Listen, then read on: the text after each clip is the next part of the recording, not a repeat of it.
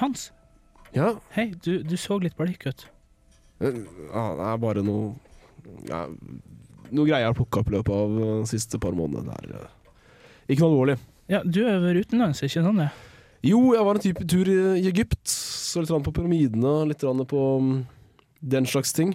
Så du har vært i pyramidene, og nå er du sjuk? Eh, ja, det ser slik ut.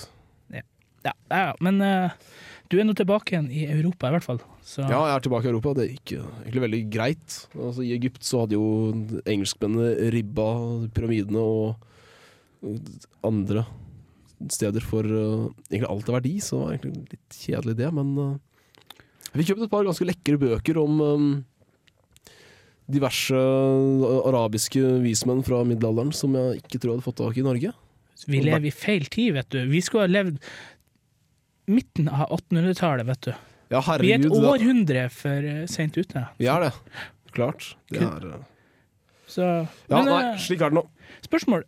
Eh, når du kom eh, tilbake igjen, kom du med båt helt til Trondheim, eller? eh? Nei, jeg tenkte at jeg skulle ta en uh, båt innom, litt innom Paris. Og plukke opp noen småting der. Og så var det innom uh, til uh, London. Så dro jeg litt i England, og så var det gjennom det er Fra Newcastle til uh, Oslo. Så du tok, eh, tok du båt da derifra, eller? Nei, jeg tok tog, faktisk. Ah. Jeg tenkte jeg måtte teste der nå. Ja, hva du syns? Jo, servicen var faktisk veldig bra. Det var egentlig veldig koselig. Det tar jo 13 timer, men uh, det er jo mye kortere enn det tar med hest og kjerre, og i hvert fall med biler. Ja. Men uh, ja, så det er 13 timer da med tog. Det, Ja. Eh, Det blir en del stopper for å fylle køl og sånt, vet du. ja. Jeg har hørt at de, de driver faktisk på med noe som de kaller for diesellukk. Herlighet! Ja, nei, de skal Kan komme det de være noe test, da? Jeg vet ikke, men de, de sier det at det skal komme noe. De skal fase ut uh, damplokomotiv, mener de. Jeg skjønner ikke helt hva greia med det er for Hva er det de tenker på? Damplokkene funker jo bra som bare det. Mm. Hvorfor bytte dem ut? Jeg vet ikke.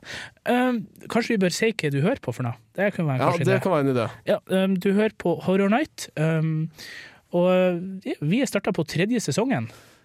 Det har vi. Er ikke det trivelig? Det er det. Eller trivelig er vel ikke ordet jeg er ute etter. Ja, jeg syns det er trivelig. Ja, jeg verdsetter ditt selskap, eh, Ditto. spesielt nå når det begynner å bli mørkt. Man vet jo, i Trondheim er det jo mange mørkere elementer. Ja, og da er i hvert fall kontroll på hvor ett av dem er, mener du? Ja, stort sett. Men eh, ja, eh, Horror Night, og vi er utgitt under Creative Commons-lisens, så du kan eh, laste oss ned fra det her internettet som Uh, Teknikerne ja. babler om. Ja, ja, jeg, jeg velger å ikke forholde meg til det. Teknikere. Jeg er spikspenna gæren hele bunten. Men uh, vi skal ta og høre uh, litt forskjellig i dag, faktisk to forskjellige kortfortellinger. Den første her, den er litt spennende. Det handler òg om noen som er ute og reiser. Jaså? Mm. Den, er, den har faktisk Man vet ikke hvem som har skrevet den. Oi! Ja, det er litt uvanlig. Det er litt uvanlig. Men uh, den heter i hvert fall The Murder Hole. The Murder Hole by Anonymous. About 300 years ago, on the estate of Lord Cassilis between Ayrshire and Galloway, lay a great moor, unrelieved by any trees or vegetation. It was rumored that unwary travelers had been intercepted and murdered there, and that no investigation ever revealed what had happened to them. People living in a nearby hamlet believed that in the dead of night they sometimes heard a sudden cry of anguish, and a shepherd who had lost his way once declared that he had seen three mysterious figures struggling together, until one of them, with a frightful scream, sank suddenly into the earth. So terrifying was this place that at last no one remained there, except one old woman and her two sons, who were too poor to flee as their neighbors had done. Travelers occasionally begged a night's lodging at their cottage rather than continue their journey across the moor in the darkness, and even by day no one traveled that way except in companies of at least two or three people. One stormy November night, a peddler boy was overtaken by darkness on the moor. Terrified by the solitude, he repeated to himself the promises of Scripture, and so struggled toward the old cottage, which he had visited the year before in a large company of travelers, and where he felt assured of a welcome. Its light guided him from afar, and he knocked at the door, but at first received no answer. He then peered through a window and saw that the occupants were all at their accustomed occupations. The old woman was scrubbing the floor and strewing it with sand. Her two sons seemed to be thrusting something large and heavy into a great chest, which they then hastily locked. There was an air of haste about all this, which puzzled the waiting boy outside. He tapped lightly on the window, and they all started up, with consternation on their faces, and one of the men suddenly darted out the door, seized the boy roughly by the shoulder, and dragged him inside. He said, trying to laugh, I am only the poor peddler who visited you the last year. Are you alone? cried the old woman in a harsh, deep voice. Alone here, and alone in the whole world, replied the boy sadly. Then you are welcome, said one of the men with a sneer. Their words filled the boy with alarm, and the confusion and desolation of the formerly neat and orderly cottage seemed to show signs of recent violence. The curtains had been torn down from the bed to which he was shown, and though he begged for a light to burn until he fell asleep, his terror kept him long awake. In the middle of the night, he was awakened by a single cry of distress. He sat up and listened, but it was not repeated, and he would have lain down to sleep again, but suddenly his eye fell on a stream of blood slowly trickling underneath the door of his room. In great terror, he sprang to the door, and through a chink he saw that the victim outside was only a goat. But just then he overheard the voices of the two men, and their words transfixed him with horror. I wish all the throats we cut were as easy, said one. Did you ever hear such a noise as the old gentleman made last night? Ah, the murder hole's the thing for me, said the other. One plunge and he's dead and buried in a moment. How do you mean to dispatch the lad in there? asked the old woman in a harsh whisper, and one of the men silently drew his bloody knife across his throat to answer. The terrified boy crept to his window and managed to let himself down without a sound. But as he stood wondering which way to turn, a dreadful cry rang out. The boy has escaped. Let loose the bloodhound. He ran for his life blindly, but all too soon he heard the dreadful baying of the hound and the voices of the men in pursuit. Suddenly he stumbled and fell on a heap of rough stones which cut him in every limb, so that his blood poured over the stones. He staggered to his feet and ran on. The hound was so near that he could almost feel its breath on his back. But suddenly it smelled the blood on the stones, and thinking the chase at an end, it lay down and refused to go farther after the same scent. The boy fled on till morning, and when at last he reached a village, his pitiable state and his fearful story roused such wrath that three gibbets were at once set upon the moor, and before the night the three villains had been captured and had confessed their guilt. The bones of their victims were later discovered, and with great difficulty brought up from the dreadful hole with its narrow aperture into which they had been thrust.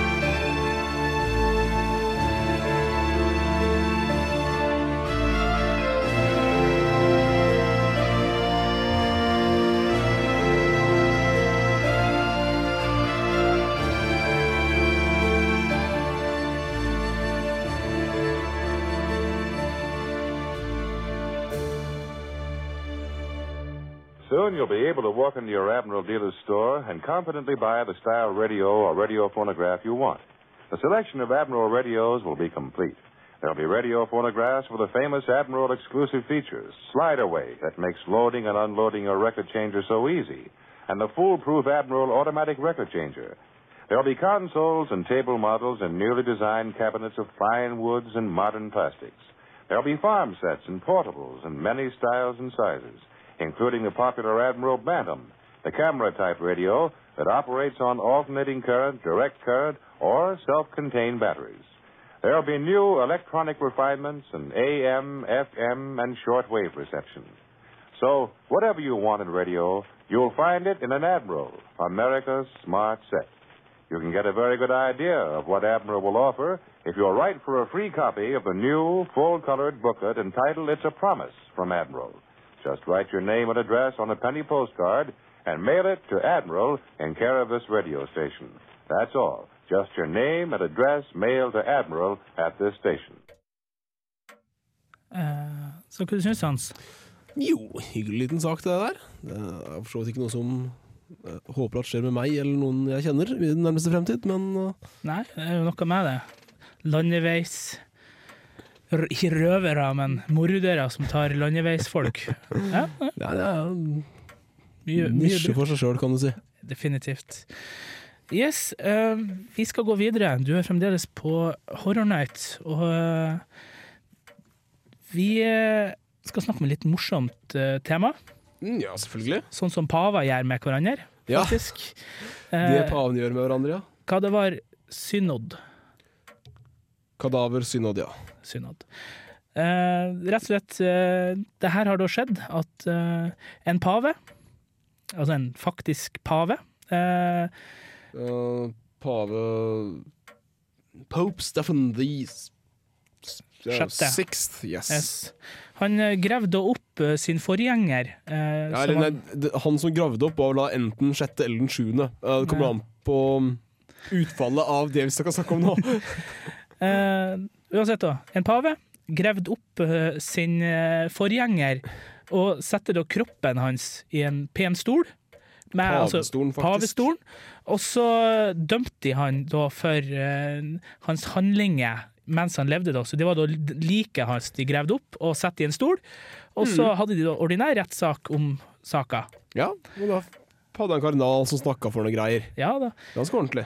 Så paven ble dømt, og eh, vel, han eh, ble først gravlagt på en eh, gravplass for folk som bare var på besøk. Sånn foreigner-plass. og så senere så ble han da gravd opp igjen, og så ble han hevet på havet med kjettinger rundt føttene. Så Ja. ja, det viser jo bare det. Det er mye rart folk holder på med. Ja, dette her skjedde da i uh, 897, da, så folk var, Det er jo, så, det er jo nesten nylig. Ja, folk var klin kokos da også. Men eh, vi skal gå videre til neste stykke, og Mm. hva det er vi skal høre, Hans?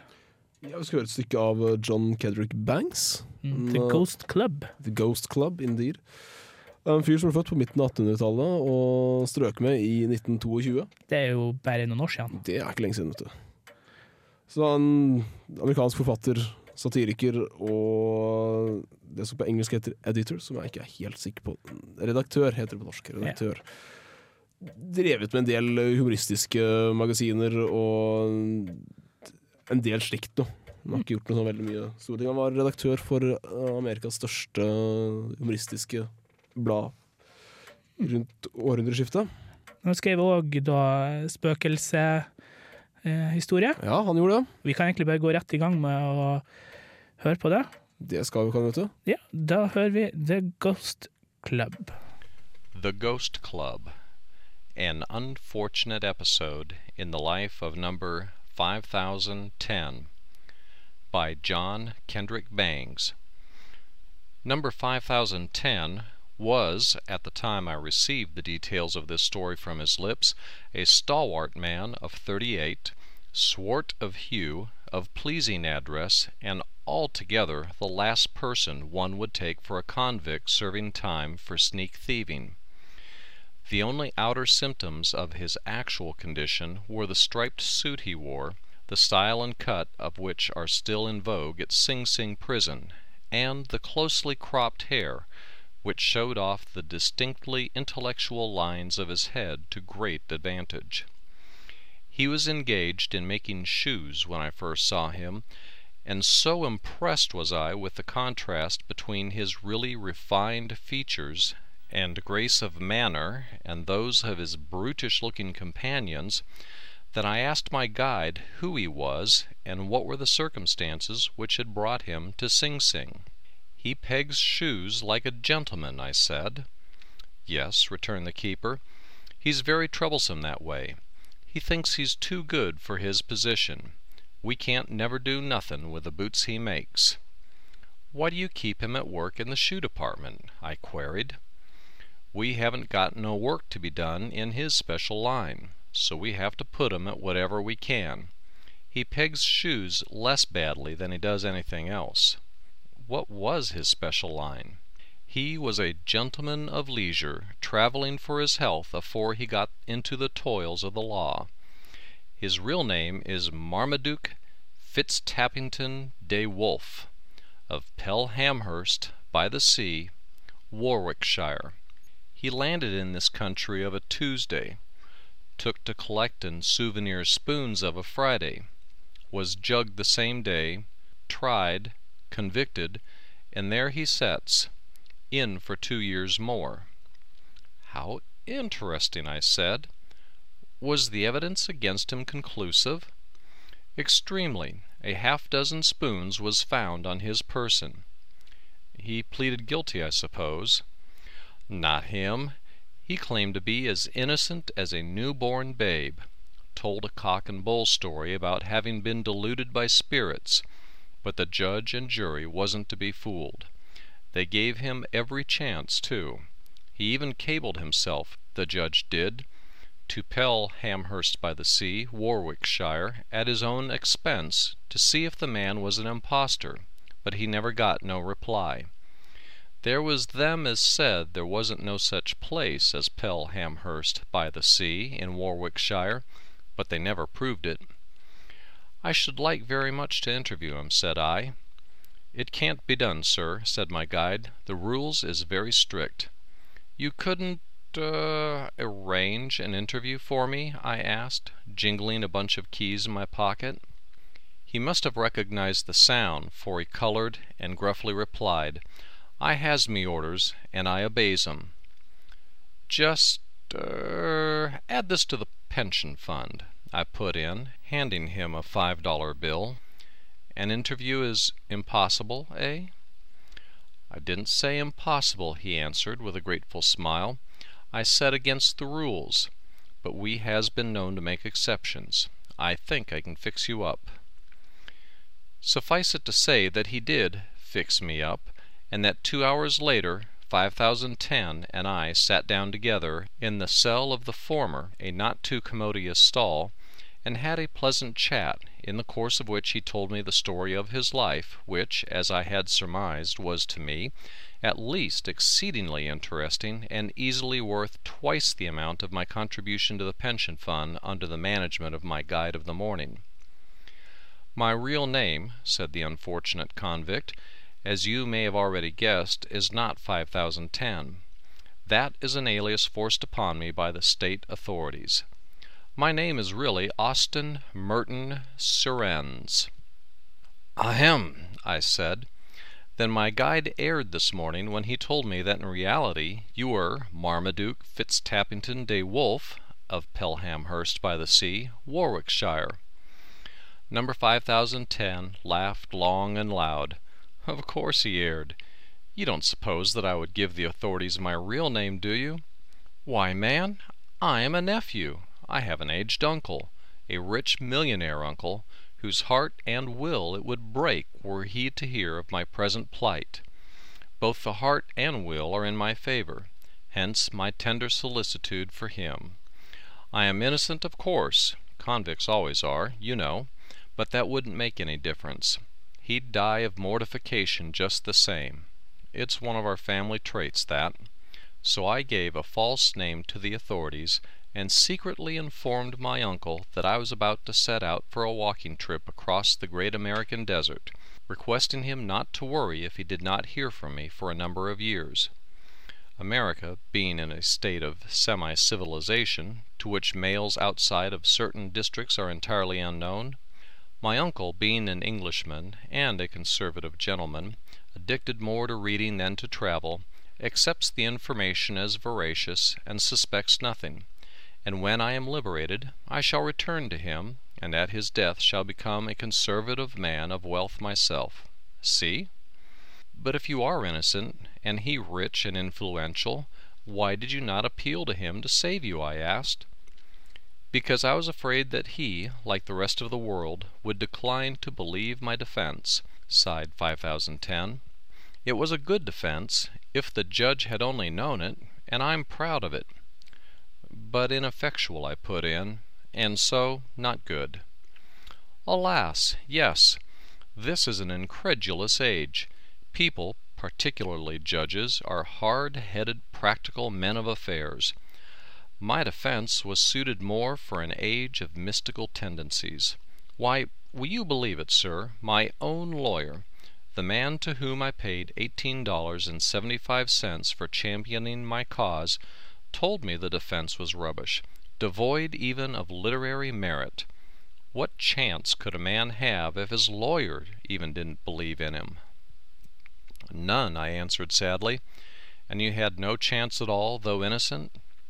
Yes, I had one, and I chose not to take it. I might have proved myself non compos mentis, but that involved my making a fool of myself in public before a jury, and I have too much dignity for that, I can tell you. I told my lawyer that I should prefer a felon's cell to the richly furnished flat of a wealthy lunatic, to which he replied, Then all is lost.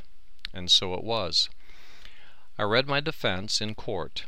The judge laughed, the jury whispered, and I was convicted instanter of stealing spoons, when murder itself was no further from my thoughts than theft. But they tell me you were caught red handed, said I. Were not a half dozen spoons found upon your person? In my hand, returned the prisoner. The spoons were in my hand when I was arrested, and they were seen there by the owner, by the police, and by the usual crowd of small boys that congregate at such embarrassing moments, springing up out of the sidewalks, dropping down from the heavens, swarming in from everywhere. I had no idea there were so many small boys in the world until I was arrested and found myself the cynosure of a million or more innocent blue eyes.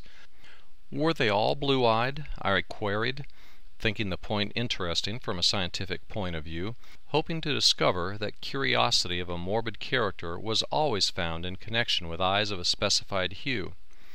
Oh, no, I fancy not, returned my host. But to a man with a load of another fellow's spoons in his possession, and a pair of handcuffs on his wrists, everything looks blue. I don't doubt it, I replied. But, er, just how, now, could you defend yourself when every bit of evidence and, you will excuse me for saying so, conclusive evidence at that, pointed to your guilt? The spoons were a gift, he answered. But the owner denied that. I know it. That's where the beastly part of it all came in. They were not given to me by the owner, but by a lot of mean, low down, practical joke loving ghosts.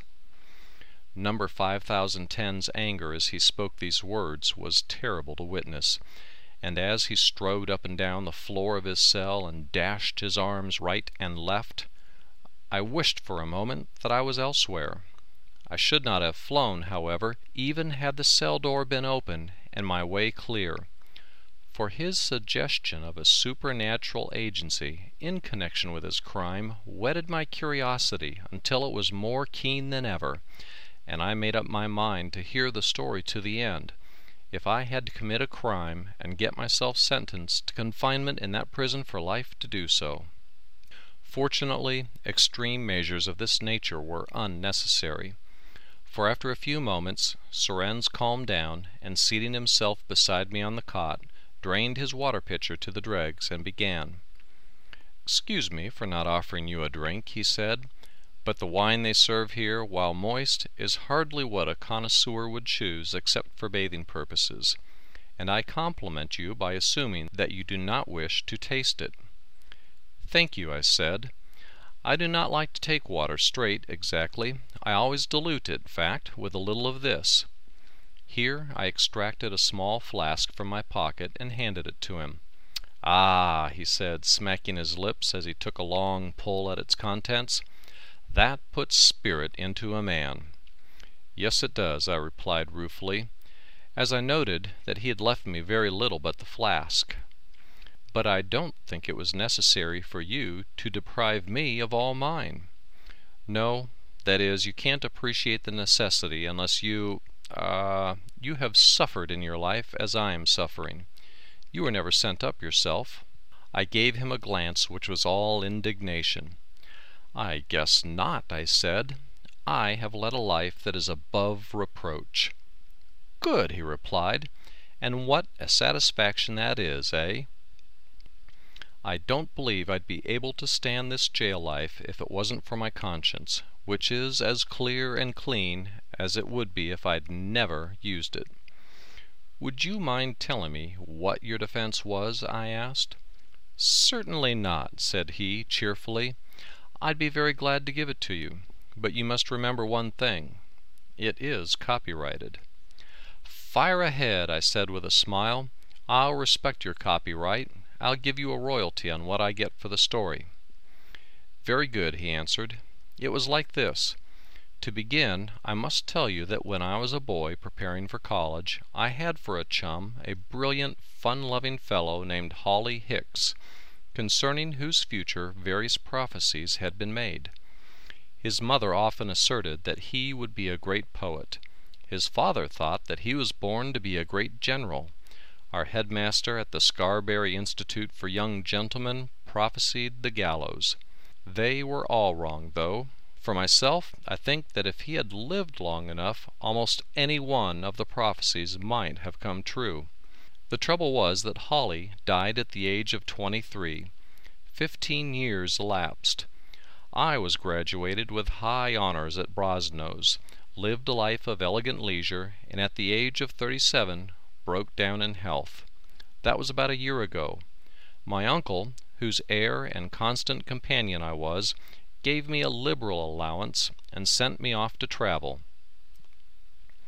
I came to America, landed in New York early in September, and set about winning back the color which had departed from my cheeks by an assiduous devotion to such pleasures as New York affords. Two days after my arrival I set out for an airing at Coney Island, leaving my hotel at four in the afternoon. On my way down Broadway I was suddenly startled at hearing my name spoken from behind me and appalled on turning to see standing with outstretched hands no less a person than my defunct chum, Hawley Hicks. Impossible, said I. Exactly my remark, returned number 5010, to which I added, "Hawley Hicks, it can't be you. But it is me, he replied. And then I was convinced, for Hawley never was good on his grammar. I looked at him a minute and then I said, But Hawley, I thought you were dead. I am, he answered. But why should a little thing like that stand between friends? It shouldn't, Hawley, I answered meekly. But it's condemnedly unusual, you know, for a man to associate, even with his best friends, fifteen years after they've died and been buried. Do you mean to say, Austin, that just because I was weak enough once to succumb to a bad cold, you, the dearest friend of my youth, the closest companion of my school days, the partner of my childish joys, intend to go back on me here in a strange city?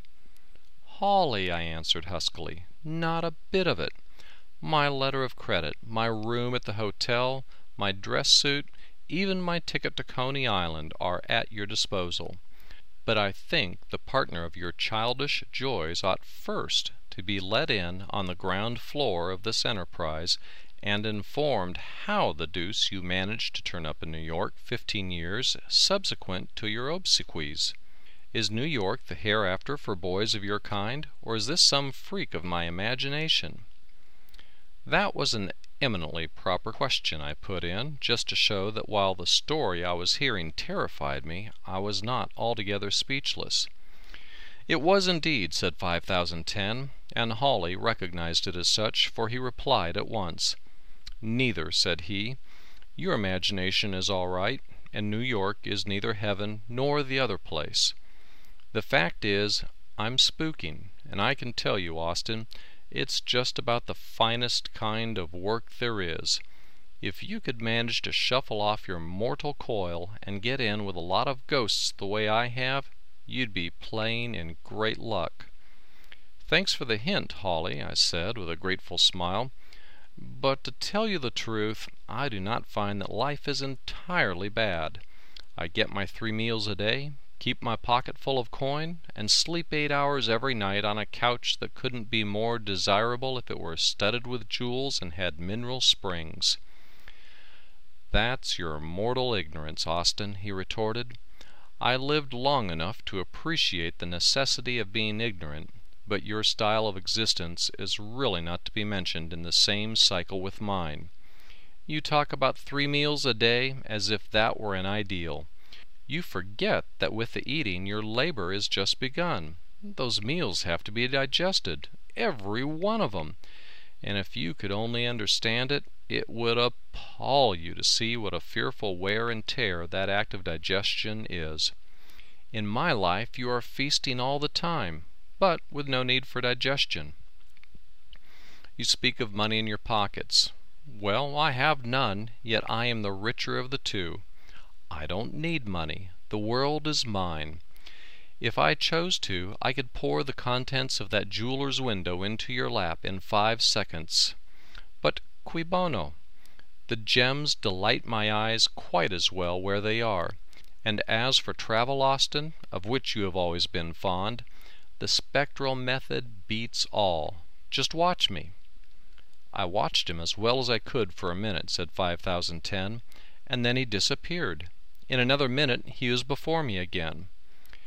Well, I said, I suppose you've been around the block in that time, eh? He roared with laughter. Around the block, he ejaculated.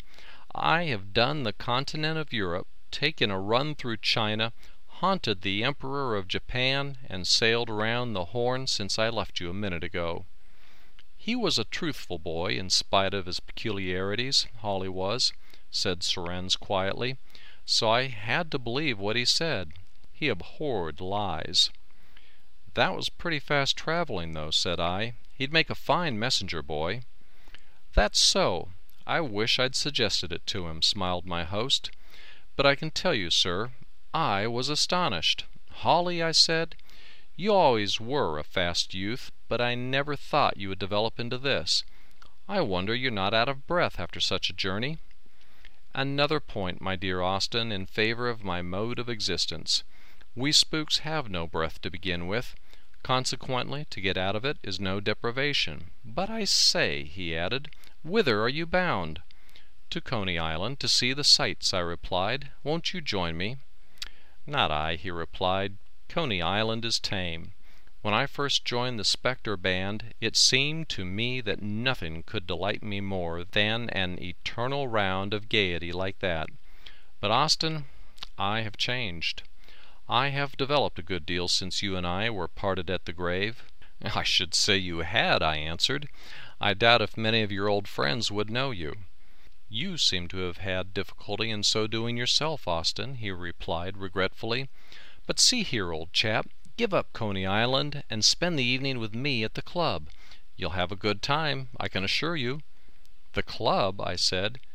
You don't mean to say you visions have a club? I do indeed. The Ghost Club is the most flourishing association of choice spirits in the world. We have rooms in every city in creation, and the finest part of it is there are no dues to be paid. The membership list holds some of the finest names in history Shakespeare, Milton, Chaucer, Napoleon Bonaparte, Caesar, George Washington, Mozart, Frederick the Great, Mark Antony, Cassius was blackballed on Caesar's account. Galileo, Confucius. You admit the Chinese, eh? I queried. Not always, he replied, but Kahn was such a good fellow they hadn't the heart to keep him out. But you see, Austin, what a lot of fine fellows there are in it. Yes, it's a magnificent list, and I should say they make a pretty interesting set of fellows to hear talk, I put in. Well, rather, Hawley replied. I wish you could have heard a debate between Shakespeare and Caesar on the Revolution. The pen is mightier than the sword. It was immense. I should think it might have been, I said. Which one? The sword party. They were the best fighters, though on the merits of the argument Shakespeare was way ahead. If I thought I'd stand a chance of seeing spooks like that, I think I'd give up Coney Island and go with you, I said. Well, replied Hawley, that's just the kind of a chance you do stand. They'll all be there tonight, and as this is Ladies' Day, you might meet Lucretia Borgia, Cleopatra, and a few other feminine apparitions of considerable note. That settles it. I am yours for the rest of the day, I said, and so we adjourned to the rooms of the Ghost Club.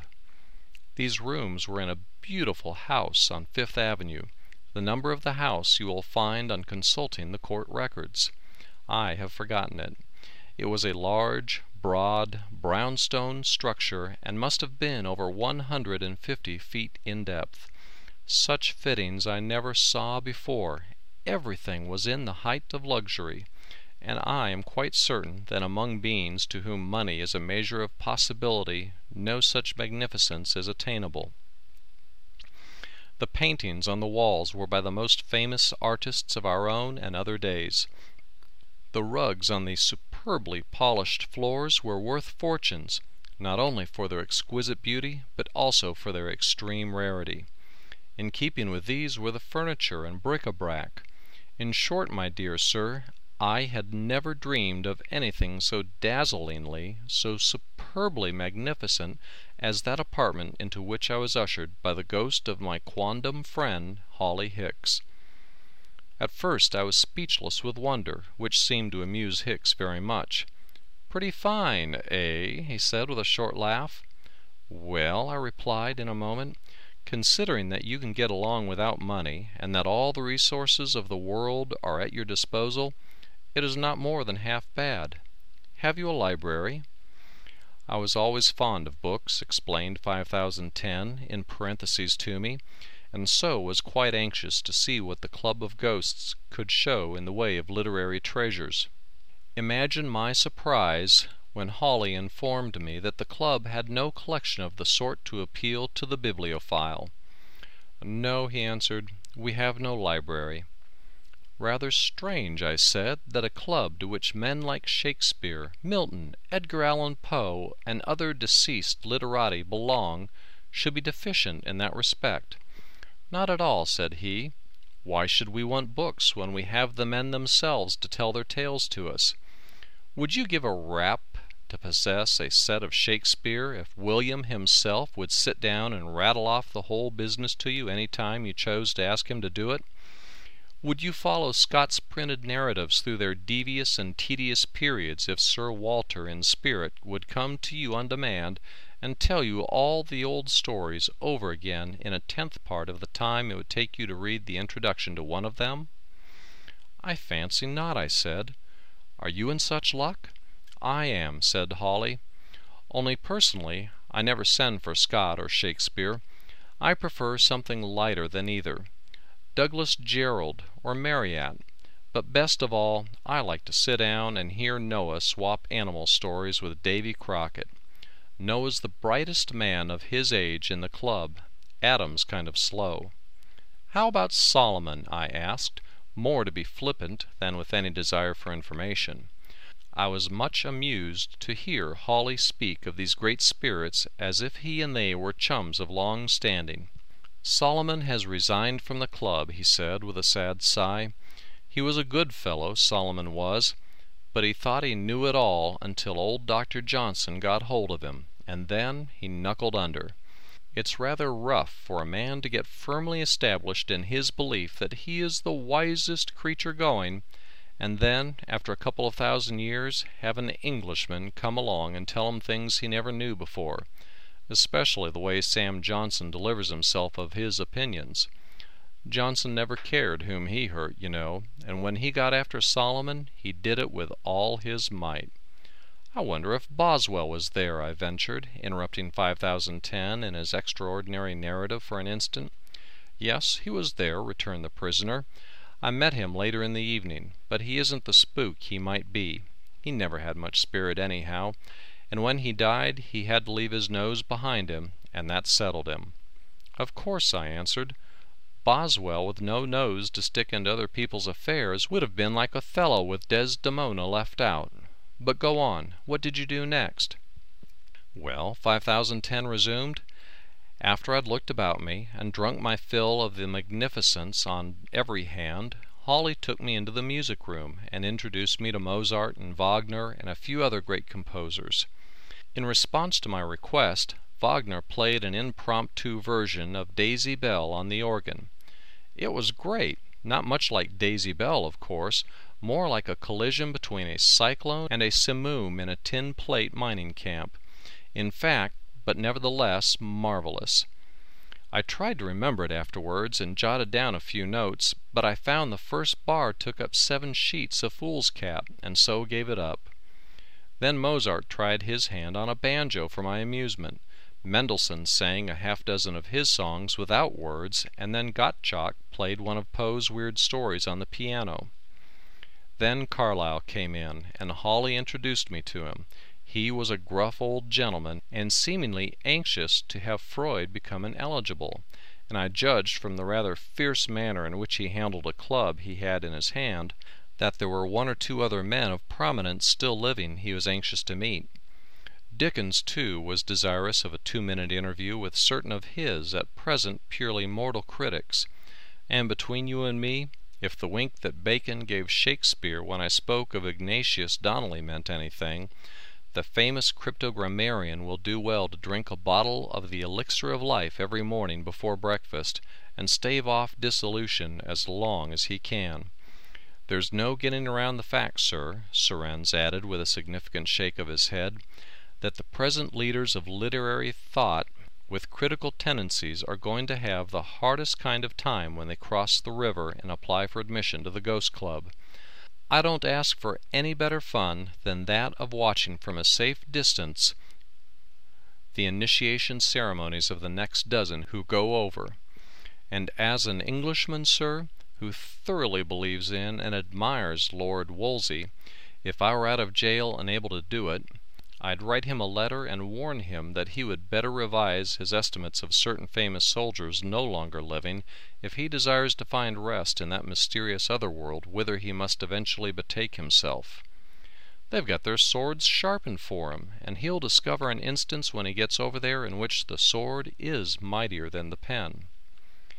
After that Hawley took me upstairs and introduced me to the spirit of Napoleon Bonaparte, with whom I passed about twenty five minutes talking over his victories and defeats. He told me he could never understand how a man like Wellington came to defeat him at Waterloo, and added that he had sounded the Iron Duke on the subject and found him equally ignorant. So the afternoon and evening passed. I met quite a number of famous ladies Catherine, Marie Louise, Josephine, Queen Elizabeth, and others. Talked architecture with Queen Anne, and was surprised to learn that she never saw a Queen Anne cottage. I took Peg Woffington down to supper, and altogether had a fine time of it. But my dear Surrenz, I put in at this point, I fail to see what this has to do with your defense in your trial for stealing spoons. I'm coming to that, said 5010 sadly. I dwell on the moments passed at the club because they were the happiest of my life, and I am loath to speak of what followed, but I suppose I must. It was all due to Queen Isabella that I got into trouble. Peg Woffington presented me to Queen Isabella in the supper room, and while Her Majesty and I were talking, I spoke of how beautiful everything in the club was, and admired especially a half dozen old Spanish spoons upon the sideboard.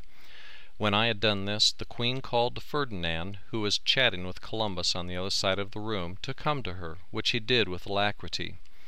I was presented to the King, and then my troubles began. "Mr. Surrenz admires our spoons, Ferdinand," said the Queen. The King smiled, and turning to me, observed, "Sir, they are yours. Er waiter, just do these spoons up and give them to Mr. Surrenz." "Of course," said 5010. I protested against this, whereupon the King looked displeased. "It is a rule of our club, sir, as well as an old Spanish custom, for us to present to our guests anything that they may happen openly to admire.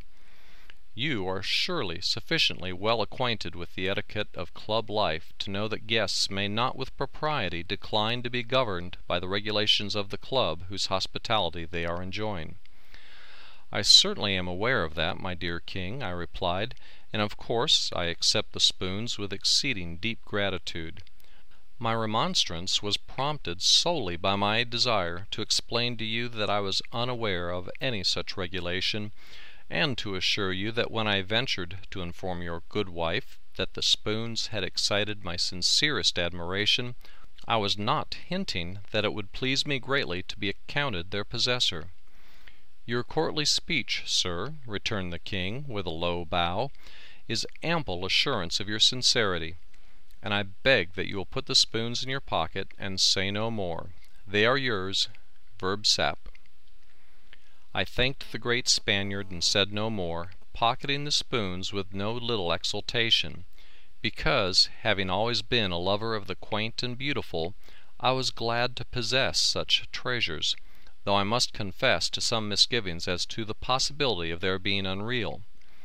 Shortly after this episode I looked at my watch and discovered that it was getting well on towards eleven o'clock, and I sought out Hawley for the purpose of thanking him for a delightful evening and of taking my leave. I met him in the hall talking to Euripides on the subject of the amateur stage in the United States. What they said I did not stop to hear, but offering my hand to Hawley, informed him of my intention to depart. "Well, old chap," he said affectionately, "I'm glad you came. It's always a pleasure to see you, and I hope we may meet again sometime soon." And then, catching sight of my bundle, he asked, "What have you there?" I informed him of the episode in the supper room, and fancied I perceived a look of annoyance on his countenance. "I didn't want to take them, Hawley," I said, but Ferdinand insisted. "Oh, it's all right," returned Hawley, "only I'm sorry. You'd better get along home with them as quickly as you can, and say nothing, and above all don't try to sell them." "But why?" I asked. "I'd much prefer to leave them here if there is any question of the propriety of my "Here," continued 5010, Hawley seemed to grow impatient, for he stamped his foot angrily and bade me go at once or there might be trouble. I proceeded to obey him, and left the house instanter, slamming the door somewhat angrily behind me. Hawley's unceremonious way of speeding his parting guest did not seem to me to be exactly what I had a right to expect at the time. I see now what his object was, and acquit him of any intention to be rude, though I must say, if I ever catch him again I'll wring an explanation from him for having introduced me into such bad company. As I walked down the steps, said 5010, the chimes of the neighboring church were clanging out the hour of eleven. I stopped on the last step to look for a possible hansom cab, when a portly gentleman accompanied by a lady started to mount the stoop. The man eyed me narrowly for a moment, and then, sending the lady up the steps, he turned to me and said, "What are you doing here?" "I've just left the club," I answered. "It's all right. I was Hawley Hicks' guest. Whose ghost are you?" "What the deuce are you talking about?" he asked, rather gruffly, much to my surprise and discomfort. "I tried to give you a civil answer to your question," I returned indignantly. "I guess you're crazy, or a thief," he rejoined. "See here, friend," I put in rather impressively, "just remember one thing. You are talking to a gentleman, and I don't take remarks of that sort from anybody, spook or otherwise. I don't care if you are the ghost of the Emperor Nero. If you give me any more of your impudence, I'll dissipate you to the four quarters of the universe. See? Then he grabbed me and shouted for the police, and I was painfully surprised to find that instead of coping with a mysterious being from another world, I had two hundred and ten pounds of flesh and blood to handle. The populace began to gather. The million and a half of small boys, of whom I have already spoken, mostly screet gamins, owing to the lateness of the hour, sprang up from all about us. Hansom cab drivers, attracted by the noise of our altercation, drew up to the sidewalk to watch developments, and then, after the usual fifteen or twenty minutes, the blue coat emissary of justice appeared. "What's this?" he asked. "I have detected this man leaving my house in a suspicious manner," said my adversary. "I have reason to suspect him of thieving." "Your house!" I ejaculated, with fine scorn. I've got you there. This is the house of the New York branch of the Ghost Club.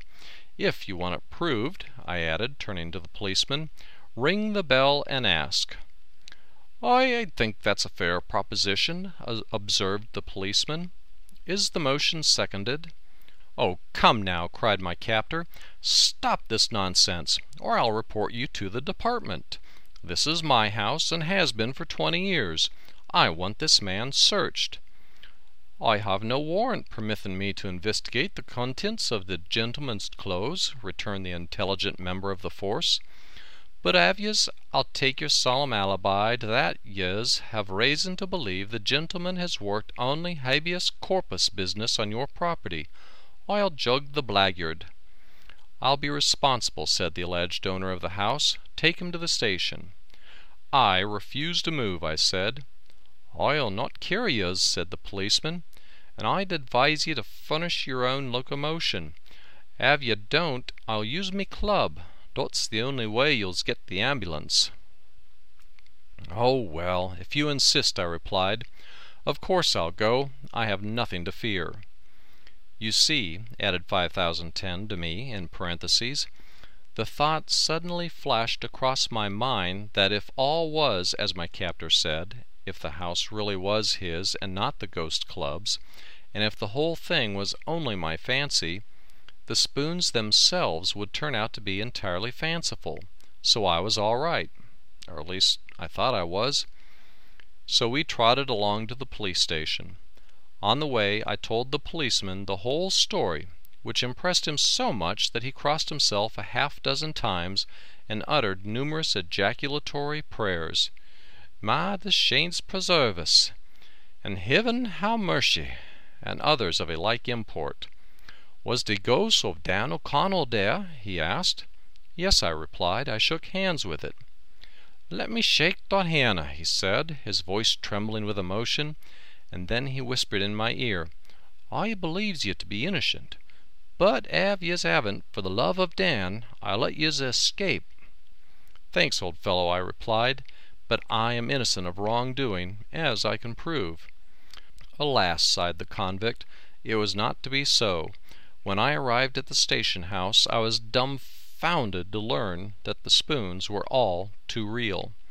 I told my story to the sergeant, and pointed to the monogram G.C. on the spoons as evidence that my story was correct, but even that told against me, for the alleged owners were G.C. His name I withhold and the monogram only served to substantiate his claim to the spoons. Worst of all, he claimed that he had been robbed on several occasions before this, and by midnight I found myself locked up in a dirty cell to await trial. I got a lawyer, and as I said before, even he declined to believe my story and suggested the insanity dodge. Of course I wouldn't agree to that. I tried to get him to subpoena Ferdinand and Isabella and Euripides and Hawley Hicks in my behalf, and all he'd do was sit there and shake his head at me.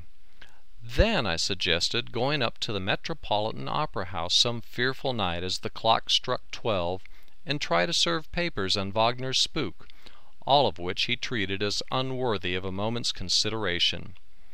Then I was tried, convicted, and sentenced to live in this beastly hole. But I have one strong hope to buoy me up. and if that is realized, I'll be free tomorrow morning. What is that? I asked.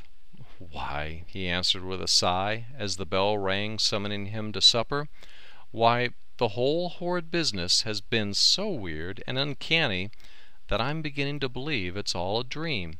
If it is, why, I'll wake up and find myself at home in bed. That's all.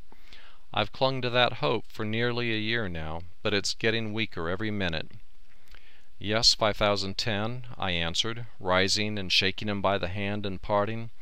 That's a mighty forlorn hope, because I'm pretty wide awake myself at this moment and can't be a part of your dream. The great pity is that you didn't try the insanity dodge.